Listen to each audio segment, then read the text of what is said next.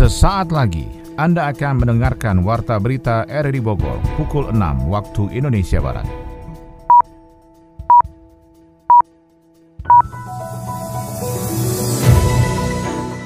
Selamat pagi, salam jumpa. Kami hadir kembali dalam Warta Berita edisi hari ini, Sabtu 15 Juli 2023. Informasi ini juga turut disiarkan melalui audio streaming lewat RRI Play dan juga disiarkan lewat Radio Tegak Beriman Kabupaten Bogor, Jawa Barat dan Anda bisa akses di Spotify RRI Bogor. Berita utama hari ini adalah Pengamat kebijakan kesehatan menyebut rencana tenaga kesehatan mogok kerja terkait undang-undang kesehatan bisa berdampak serius terhadap masyarakat yang memerlukan pelayanan kesehatan. Tim SAR gabungan evakuasi tiga korban hanyut tenggelam di Danau Kuari, Gunung Panenjoan, Ciguda, Kabupaten Bogor. Mensos menginstruksikan bahwa hanya untuk membawa Enur Hayati yang menderita stroke sejak berusia 30 tahun selesai terjatuh di kamar mandi. Saya Maulana Isnarto, inilah Warta Berita selengkapnya.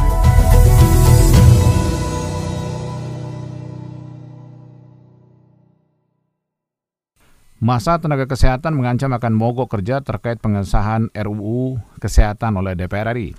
Pengamat kebijakan kesehatan sekaligus Ketua Umum terpilih PP Ikatan Ahli Kesehatan Masyarakat yakni Hermawan Saputra mengatakan, rencana tenaga kesehatan mogok kerja seusai pengesahan rancangan undang-undang kesehatan menjadi undang-undang tidak relevan. Menurutnya, mogok kerja tidak bisa menjadi solusi, justru akan berdampak serius terhadap masyarakat yang memerlukan pelayanan kesehatan. Ermelinda akan melaporkan selengkapnya.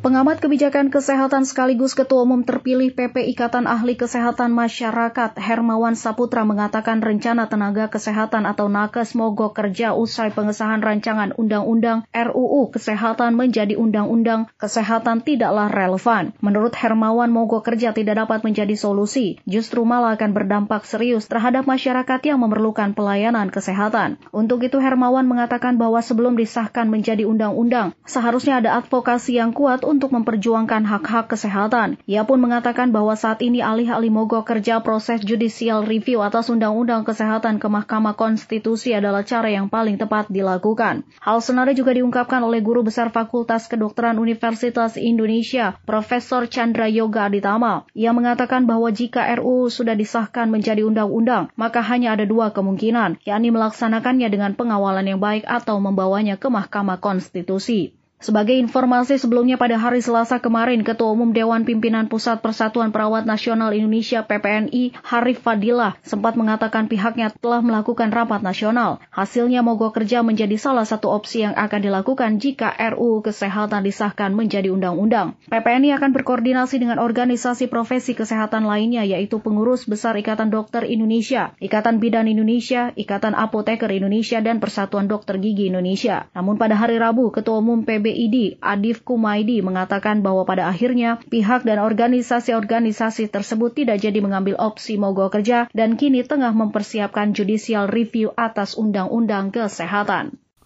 Rencana mogok kerja dari tenaga kesehatan seusai pengesahan RUU Kesehatan menjadi undang-undang ditanggapi beragam oleh masyarakat. Berikut kita ikuti suara masyarakat berikut ini. Nama saya Deki. E, menurut saya tenaga kesehatan itu seharusnya lebih profesional dengan rencana mogok kerja dunia kesehatan akan terhambat ya. Dan kesehatan pasien juga perlu diperhatikan. RU kesehatan yang telah disahkan untuk saya sebagai masyarakat merasa diuntungkan. Karena peningkatan kualitas layanan kesehatan yang lebih baik dan harapannya dunia kesehatan itu ke depannya Indonesia lebih baik dan lebih maju? Menurut kami sah-sah saja itu aspirasi mereka untuk menyampaikan ya. Dan seharusnya memang pemerintah menanggapi ya. Mungkin mogok uh, kerja ahli-ahli ini semata-mata adalah untuk uh, memperjuangkan ya mereka untuk menyampaikan aspirasi. Namun tentu harus cepat ya dalam penanganan dalam solusi gitu. Kalau lambat kan banyak uh, apa namanya pasien-pasien yang dikorbankan. Karena keterlambatan mogok kerja akhirnya kan pasien yang tadinya harus ditangani oleh ahli ya tiba-tiba kan terhalang oleh ya tadi ya mogok kerja tadi. Saya pikir uh, demo di sosial media lebih baik daripada kita meninggalkan tugas dan kewajiban kita sebagai praktisi kesehatan itu tentu akan merugikan beberapa pihak. Apabila kita cermati dari program ini, dari undang-undang ini, apa yang bisa kita kaji dalam program ini yang bisa membuat positif dinilai bagus untuk kemajuan di unit tersebut. Atau kita perlu mengkaji lagi antara dua belah pihak antara pemerintah dan dinas kesehatan ini perlu adanya musyawarah dan memberikan salah satu jalan keluar untuk uh, solusi ya jalan keluar untuk permasalahan undang-undang tersebut. Ketua Umum Dewan Pimpinan Pusat Persatuan Perawat Nasional Indonesia DPP PPNI Harif Fadilah mengungkapkan sejumlah poin yang menyebabkan penolakan sejumlah profesi kesehatan terhadap Undang-Undang Kesehatan seperti terangkum dalam wawancara berikut ini. Kita akan langsung konfirmasi bersama Mas Harif Fadilah, Ketua Umum Dewan Pimpinan Pusat Persatuan Perawat Nasional Indonesia. Sudah bersama saya di line telepon. Masih unjuk rasa dilanjutkan mogok Pak, Mas Harif, setelah Undang-Undang Kesehatan disahkan. Gimana soal itu? Ya, aksi mogok ini memang muncul pada rekomendasi Rapat Kerja Nasional kita di tanggal 9-11 Juni yang lalu. Eh, tetapi dengan berbagai kondisi memang yang pertama adalah mogok itu akan kita lakukan bila uh, secara kolektif. Artinya mogok itu kita tidak lakukan sendiri perawat, tetapi juga harus bersama-sama dengan dokter, bidan, apoteker, dan dokter gigi. Karena kita tergabung dalam sekretariat bersama ya. Mm -hmm. Jadi kalau kesiapan 5 OP ini sudah uh, oke okay semua ya uh, pokok bisa dilakukan. Tapi kalau ada satu saja yang belum siap rasanya juga perlu upaya-upaya lanjut gitu ya. Jadi itu uh, ininya kondisinya. Dan kedua, uh, tentu kalau mogok itu dilakukan juga konsolidasi yang matang sampai ke tingkat uh, internal yang di perifer. Yang kedua adalah dengan perhitungan yang cermat. Kemudian yang keempat, uh, kalaupun mogok itu dilakukan, maka ada tempat-tempat yang memang kita tidak lakukan uh, pemogokan antara lain emergency, uh, critical care, ICU, ICU yang uh, sifatnya sangat kritis itu kita tidak lakukan uh, untuk uh, teman-teman untuk menghentikan pelayanan dan itu tetap berjalan gitu. Itu kira-kira secara uh, yang kita bicarakan dalam sekretariat bersama lima organisasi profesi. Tapi okay. sampai hari ini kita, memang kita belum terucut untuk bisa menyatakan mogok gitu. Baik, tapi gini Mas Arif, yang menarik adalah misalnya uh, biasanya kan apa penolakan itu memang akan sangat sektoral, tapi kali ini sepertinya teman-teman di di tenaga medis dan lain-lain punya pandangan yang sama soal rancang undang-undang atau undang-undang yang sudah disahkan oleh DPR ini dalam rapat paripurna ini. Apa apa poin dari undang-undang tersebut yang sangat akan merugikan tenaga kesehatan khususnya para perawat? Ya, ini kan dalam perspektif kita ya, bukan dalam perspektif perspektif uh, ekonomi makro gitu lah atau ya. uh, uh, sifatnya yang uh, dampak sosial dan politis hmm. sebagai uh, yang makro ya, tapi dalam perspektif kita sebagai tenaga kesehatan khususnya perawat lah ya. Mm -hmm. Yang pertama adalah soal uh, mandatory spending ya. Mandatory spending ini kita punya uh, keyakinan bahwa dengan dicabutnya mandatory spending ini maka kondisi pelayanan kesehatan terutama yang di perifer itu tidak akan lebih baik dari yang sekarang. Hmm. Kira-kira hmm. begitu ya.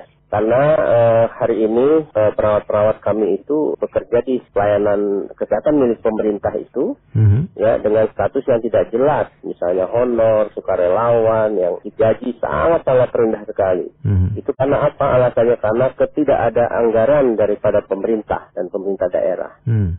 Nah, itu saja sudah dialokasikan 5% APBN mandatory spending. Nah kalau itu dicabut saya kira biasanya isu kesehatan, isu pendidikan ini kan akan muncul pada saat-saat mau orang pilkada ya, mm-hmm. mau pemilu dan lain sebagainya. Tetapi empat tahun berikutnya itu biasanya disengsarakan itu. Kira-kira begitu mas. Yang kedua yang sama ya dengan teman-teman yang profesi yang lainnya ya, mm-hmm. itu adalah seolah-olah sekarang ini organisasi profesi yang sudah sangat berjasa dari dulu ya bahkan saat pandemi membantu pemerintah yang tidak memperhitungkan segala sesuatu uh, banyak dikurangi perannya bahkan quote and quote dikebiri lah gitu ya hmm. persoalannya lagi adalah uh, ujung-ujungnya juga uh, kita di, dulu kita diberikan uh, kewenangan oleh undang-undang untuk mengkawal etika profesi okay. bahwa seorang tenaga kesehatan yang etikanya uh, baik atau melenceng itu adalah uh, peran organisasi profesi untuk melakukan pembinaan, Mhm. untuk melakukan pengembangan dan lain sebagainya. Tapi sekarang tidak. Ya. Mhm. Jadi siapa? Apakah itu pemerintah semua nanti? Di mana-mana urusan etika itu bukan pemerintah, Mhm. ya kan? Mhm. Pemerintah itu regulator. Nah, jadi saya kira ini sesuatu yang eh, sama kita pemikirannya bahwa ada pengurangan peran organisasi profesi di situ. Oke. Ketiga adalah eh, ada peluang untuk lebih besarnya masuknya tenaga kesehatan asing ke Indonesia ini ya. Coba bayangkan perawat itu lulusannya 75 ribu per tahun ya. Mhm. Eh, terapan di, di negara kita ini nggak terlalu eh, sama sampai 75 ribu per tahun mungkin 10 persennya mungkin ya mungkin saya nggak Mhm. punya data. Mhm. Nah, tambah lagi dengan persaingan orang luar gitu ya. Kira-kira, saya kira ini concern terhadap eh, pemberdayaan eh, sumber daya manusia kita bangsa sendiri ini seperti Hmm. apa gitu Hmm. kan? Kalau membuka peluang besar pada eh, warga negara asing dengan mudah. Kita saja, eh, perawat banyak yang keluar negeri itu nggak begitu mudah. Misalnya ke Jepang saja harus bahasa Jepang eh, dalam level N1. Yang orang Jepang sendiri juga banyak yang nggak lulus gitu kan Mhm. ya ke Australia IELTS-nya misalnya tujuh setengah gitu ya nah itu barrier-barrier eh, di negara lain kan di nah tampaknya undang-undang ini ya tidak begitu mempersulit gitu. Mhm. itu Mhm. itu pandangan kita ya Oke. Eh, berbeda mungkin bisa tam- bisa berbeda gitu Oke. nah itu yang umumnya nih Ya. yang spesifik untuk perawat sendiri yang paling sangat memukul kita adalah dicabutnya Undang-Undang 38 2014 tentang keperawatan. Mhm. Karena undang-undang keperawatan ini selain nilai regulatori, juga nilai filosofi dan historis. Seluruh pengaturan keperawatan dalam undang-undang itu tidak ada di dalam undang-undang yang baru ini. Hmm. Ya dia dia menariknya secara umum. Padahal yang umum itu kita belum tahu misalnya tenaga kesehatan yang boleh praktek. Tenaga kesehatan yang mana?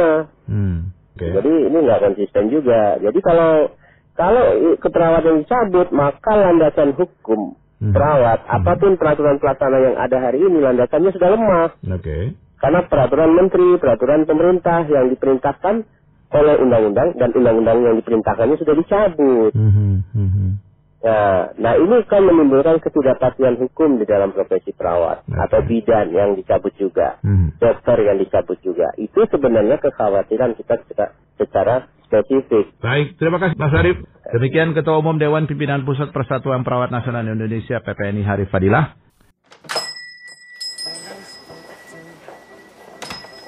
Cie, yang abis pulang liburan, gimana New York? Seru gak? You know, seru banget. So many tempat famous like Times Square nih yang really really crowded. Literally aku sih prefer rekomen liburan ke luar negeri ya. Kayak ada pride gitu gak sih kalau kita posting ke sosial media? That's why foto aku tuh banyak yang like. Um, perhaps later kita bisa lah go ke sana. Ih, Maisaro, Maisaro. Ngomong apa sih dari tadi? Kamu nggak understand? Gak gaul nih. Normally, anak zaman now tuh gini kali topnya. Maisaro, belajar bahasa asing itu bagus-bagus aja. Tapi kita juga perlu tahu cara penempatannya. Dan yang paling penting sih, kita nggak lupa ya sama bahasa kita. Kamu inget kan ikrar Sumpah Pemuda poin ketiga? Menjunjung bahasa persatuan, bahasa Indonesia. Ingat dong. Iya ingat. Makasih ya Francisca udah ngingetin.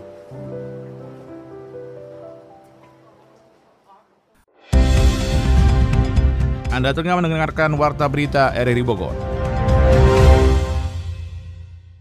Tim SAR gabungan mengevakuasi tiga orang korban hanyut tenggelam di Danau Kuari di Kampung Nungga Herang, Desa Tegalega, Kecamatan Cigude, Kabupaten Bogor.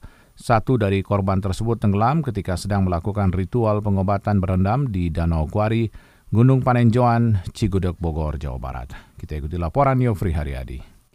Tim SAR gabungan akhirnya berhasil mengevakuasi tiga orang korban hanyut tenggelam di Danau Kuari di Kampung Nungga Herang RT 2 RW 5 Desa Tegalega, Kecamatan Cigudeg, Kabupaten Bogor. Ketiga korban tenggelam yang berhasil dievakuasi adalah MDP 20 tahun, kemudian BM 25 tahun dan CP 25 tahun. Ketiga korban adalah warga Desa Cipinang, Kecamatan Rumpin, Kabupaten Bogor. Salah seorang warga di sekitar Danau Kuari, Bapak Acong, mengatakan satu dari korban tersebut sedang melakukan ritual pengobatan berendam di Danau Kuari, Gunung Panenjoan, Cigudeg, Bogor. MDP diketahui mengalami gangguan kejiwaan dan mendapat petunjuk berenang pada Kamis malam di Danau Kuari, Cigudeg, Bogor. Saat berenang, MDP tenggelam kemudian ditolong oleh kedua temannya hingga ketiganya ikut tenggelam bersama.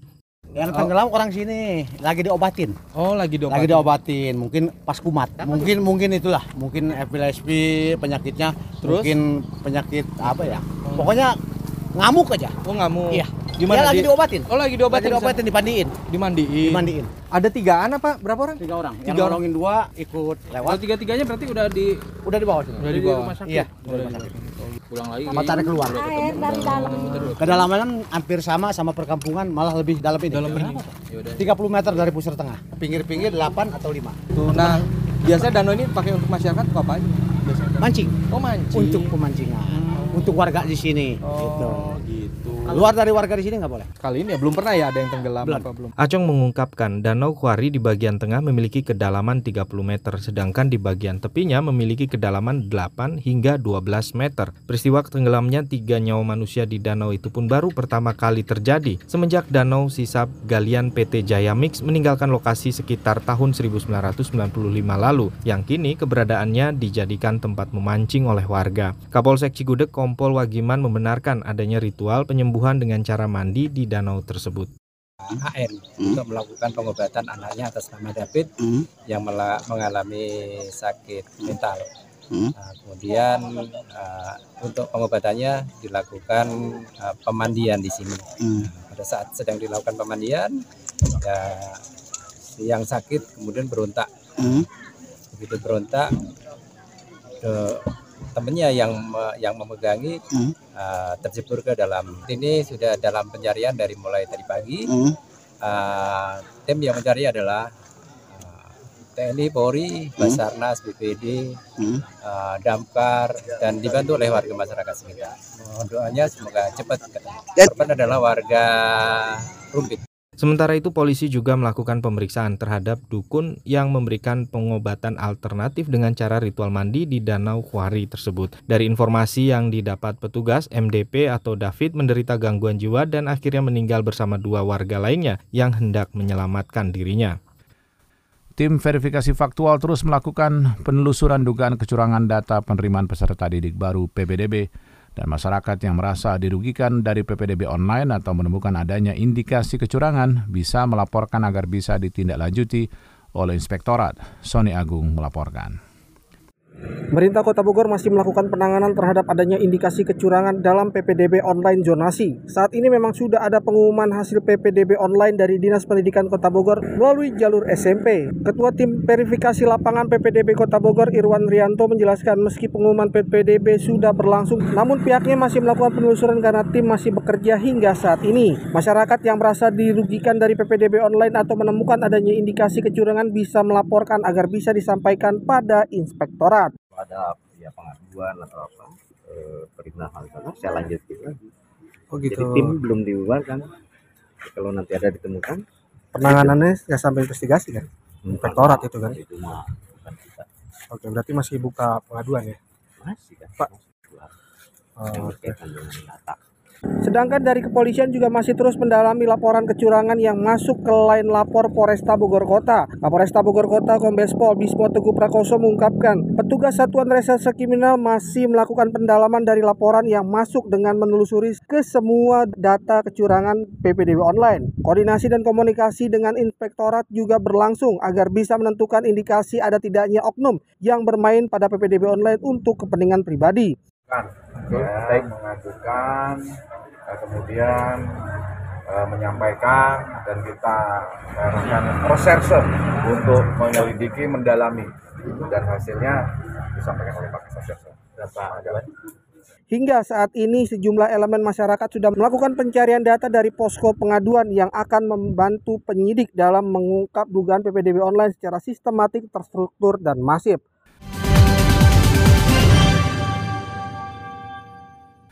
Mensos Tri Risma hari ini menginstruksikan bahwanya untuk membawa Enur Hayati 60 tahun, warga kampung Ciputri RT 5 RW 8 Desa Ciasihan, Kecamatan Pamijahan, Kabupaten Bogor, yang diketahui menderita stroke sejak berusia 30 tahun, selesai terjatuh di kamar mandi.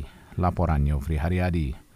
Menteri Sosial Tri Risma hari ini mengambil respon cepat terhadap Nur Hayati, 60 tahun, warga Kampung Ciputri RT 5 RW 8 Desa Ciasihan, Kecamatan Pamijahan, Kabupaten Bogor. Nur Hayati diketahui menderita stroke sejak berusia 30 tahunan, usai terjatuh di kamar mandi. Selama 30 tahun pula lah, ibu dua anak ini terus mengalami komplikasi kesehatan pada tubuhnya yang kian renta. Dengan kondisi ekonomi yang sangat miskin, hanya berbekal Rp600.000 per bulan dari uang yang didapat anak-anaknya, Ibu Nur hanya bisa pasrah menerima kenyataan pahit. Menteri Sosial akhirnya menginstruksikan bawahannya untuk membawa Nur menjalani pengobatan dan mendapatkan fasilitas pendukung untuk kehidupannya. Terima kasih rekan-rekan media yang telah memberikan informasi kepada kami. Tadi saya subuh, saya sudah WA, saya minta apa ke balai, balai saya untuk assessment dan kemudian dibawa ke rumah sakit ini. Tadinya saya pikir saya masih mau ke rumahnya karena saya lihat saya membacanya sih tiga yang sakit, salah ternyata ada dua, putrinya dan ibunya. Dan sekarang lagi di apa namanya di assessment untuk uh, sakitnya. Namun tadi ada permintaan-permintaan ibunya, uh, terutama untuk keberlanjutan hidupnya, terutama untuk penghidupannya. Penanganan kita sudah bisa ditangani, itu yang bagi saya paling penting. Kini Nur menjalani perawatan intensif di RSUD Lewiliang, Kabupaten Bogor. Hasil pemeriksaan awal, kondisi kesehatannya memburuk dengan berbagai komplikasi penyakit dalam kondisi lumpuh total. Wakil Direktur Bidang Pelayanan RSUD Lewiliang, Kabupaten Bogor, Dr. Esther Melani Mkes, mengatakan penyakit Ibu Nur bukan penyakit ringan yang mudah disembuhkan. Artinya penyakitnya sih penyakit kronis ya, hmm. bukan infeksi yang, yang diobatin uh, ada mm, jadi sembuh. Artinya uh, yang penting uh, kemampuan dia untuk mandiri ya, untuk bisa uh, hidup ataupun uh, beraktivitas dengan baik itu yang kita usahakan. Kalau si ibu di dia itu jatuh, jatuh. awalnya oh. jatuh. Jadi tahun jatuh. 82 ya. dia jatuh katanya dari balai-balai gitu. Nah sejak saat itu mengalami Mungkin kelumpuhan. dari Iya saraf. Jadi kenanya di saraf. Hmm, tidak langsung dipindah. Tidak langsung di. Iya. iya di Selain mendapat perawatan, Kementerian Sosial juga mengurus kebutuhan jaminan sosial termasuk memberikan alat bantu jalan berupa kursi roda listrik untuk menopang kualitas hidup selanjutnya. Info olahraga kali ini soal Juventus menyatakan mundur dan tidak mau terlibat lagi dalam European Super League. Cabang olahraga menembak Kota Bogor bersiap menatap Olimpiade Paris 2024. Kita ikuti selengkapnya bersama Ermelinda.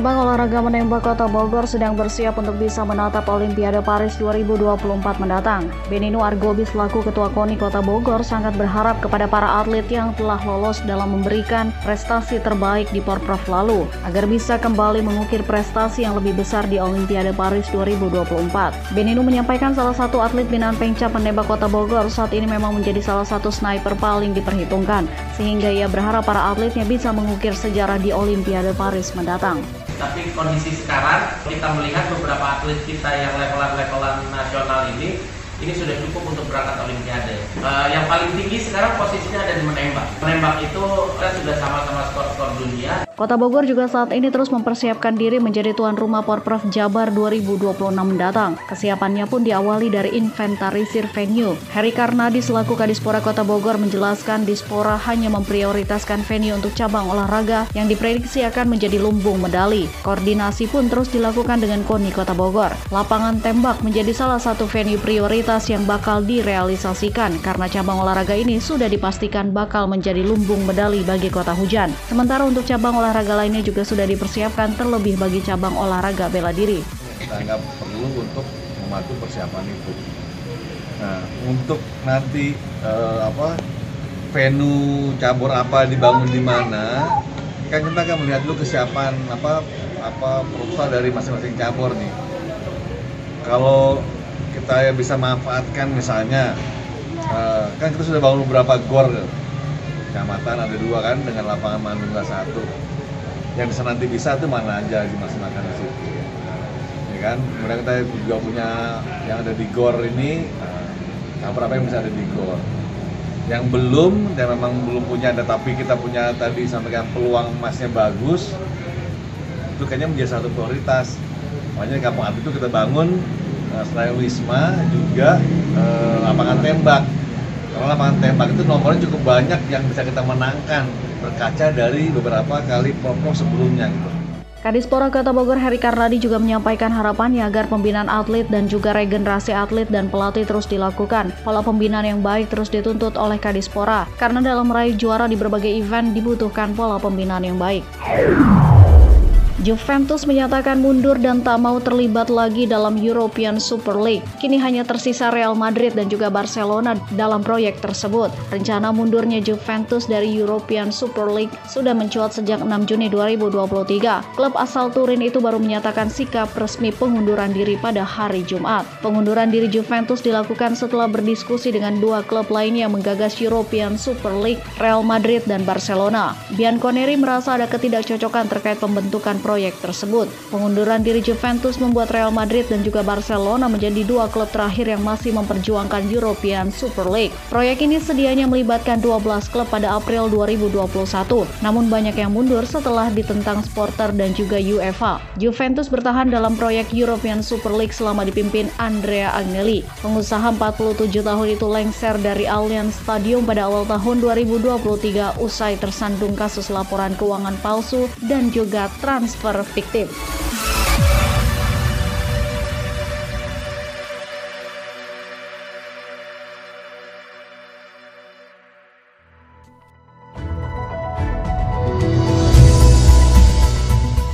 Demikian rangkaian informasi yang kami hadirkan di Warta Berita RRI Bogor pagi ini. Sebelum berpisah, kami kembali sampaikan berita utama. Pengamat kebijakan kesehatan menyebut rencana tenaga kesehatan mogok kerja terkait Undang-Undang Kesehatan bisa berdampak serius terhadap masyarakat yang memerlukan pelayanan kesehatan. Tim SAR gabungan evakuasi tiga korban hanyut tenggelam di Danau Kuari, Gunung Panenjoan, Cigudeg, Kabupaten Bogor. Mensos menginstruksikan bahwa hanya untuk membawa Endur Hayati yang menderita stroke sejak berusia 30 tahun selesai terjatuh di kamar mandi. Saya Molanes Narto. Bersama tim bertugas pada hari ini mengucapkan terima kasih atas perhatian Anda. Selamat pagi dan sampai jumpa.